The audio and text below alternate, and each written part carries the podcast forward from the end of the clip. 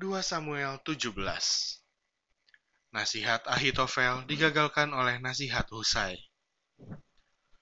Berkatalah Ahitofel kepada Absalom, Izinkanlah aku memilih 12 ribu orang, maka aku akan bersiap dan mengejar Daud pada malam ini juga. Aku akan mendatangi dia selagi ia lesu dan lemah semangatnya, dan mengejutkan dia. Seluruh rakyat yang ada bersama-sama dengan dia akan melarikan diri, maka aku dapat menewaskan raja sendiri. Demikianlah aku akan membawa pulang seluruh rakyat itu kepadamu, seperti seorang mempelai perempuan kembali kepada suaminya.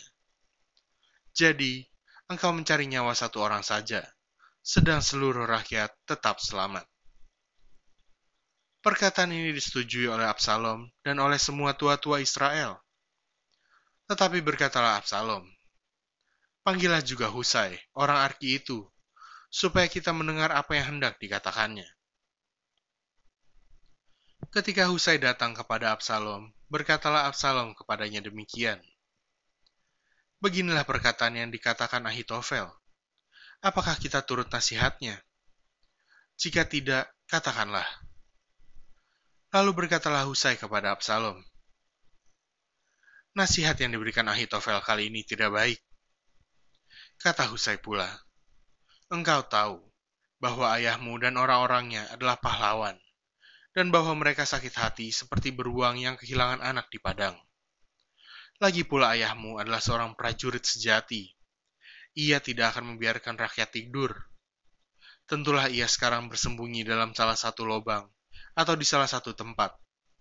Apabila pada penyerangan pertama beberapa orang tewas, dan ada orang mendengar hal itu, maka orang akan berkata, rakyat yang telah mengikut Absalom sudah menderita kekalahan.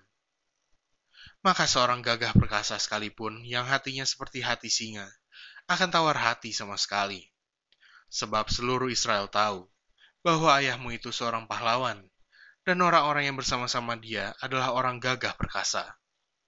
Sebab itu kunasihatkan, suruhlah seluruh Israel dari Dan sampai Bersheba berkumpul kepadamu seperti pasir di tepi laut banyaknya, dan kau sendiri juga harus turut bertempur. Apabila kita mendatangi dia di salah satu tempat, di mana ia terdapat, maka kita akan menyergapnya, seperti embun jatuh ke bumi, sehingga tidak ada yang lolos, baik dia maupun orang-orang yang menyertainya. Dan jika ia mengundurkan diri ke suatu kota, maka seluruh Israel akan mengikat kota itu dengan tali, dan kita akan menyeretnya sampai ke sungai hingga batu kecil pun tidak terdapat lagi di sana. Lalu berkatalah Absalom dan setiap orang Israel, Nasihat Husai, orang Arki itu, lebih baik daripada nasihat Ahitofel. Sebab Tuhan telah memutuskan bahwa nasihat Ahitofel yang baik itu digagalkan, dengan maksud supaya Tuhan mendatangkan celaka kepada Absalom. Daud ke Mahanaim Sesudah itu, berkatalah Husai kepada Zadok dan kepada Abiatar, imam-imam itu. Ini dan itu dinasihatkan Ahitofel kepada Absalom, dan kepada para tua-tua Israel. Tetapi ini dan itu kunasihatkan. Oleh sebab itu, suruhlah dengan segera memberitahukan kepada Daud demikian. Pada malam ini, janganlah bermalam di tempat-tempat penyeberangan ke padang gurun, tetapi menyeberanglah dengan segera supaya jangan raja dan seluruh rakyat yang bersama-sama dengan dia itu ditelan habis. Yonatan dan Ahimas menunggu di Enrogel, dan setiap kali ada seorang budak perempuan yang datang membawa kabar kepada mereka, dan mereka pun langsung memberitahu Raja Daud, sebab mereka tidak boleh dilihat memasuki kota. Tetapi seorang anak melihat mereka, lalu memberitahu Absalom. Jadi pergilah keduanya dengan segera, dan sampailah mereka ke rumah seseorang di Bahurim yang mempunyai sumur di halamannya. Maka turunlah mereka ke dalamnya. Kemudian perempuan itu mengambil kain tudungan, membentangkannya di atas mulut sumur itu, dan menaburkan butir-butir gandum di atasnya, sehingga tidak kelihatan apa-apa. Sampailah orang-orang Absalom kepada perempuan itu di rumahnya, lalu bertanya, Di manakah Ahimaas dan Yonatan? Jawab perempuan itu kepada mereka, mereka telah menyeberangi sungai itu. Kemudian mereka mencari, tetapi tidak mendapatnya. Lalu pulanglah mereka ke Yerusalem.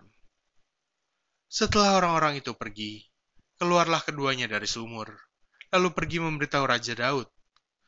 Kata mereka kepada Daud, Bersiaplah, dan seberangilah dengan segera sungai ini, sebab ini dan itu dinasihatkan Ahitofel terhadap kamu.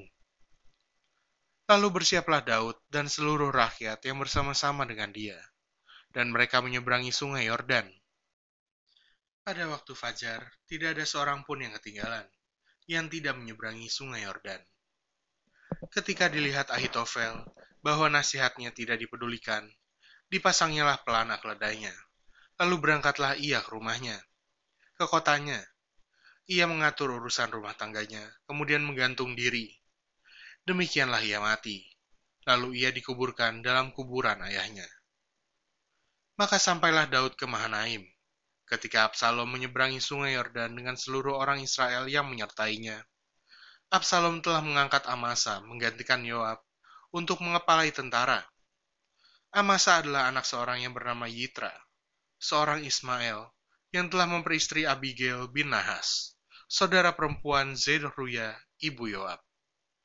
Lalu orang Israel dan Absalom berkemah di tanah Gilead.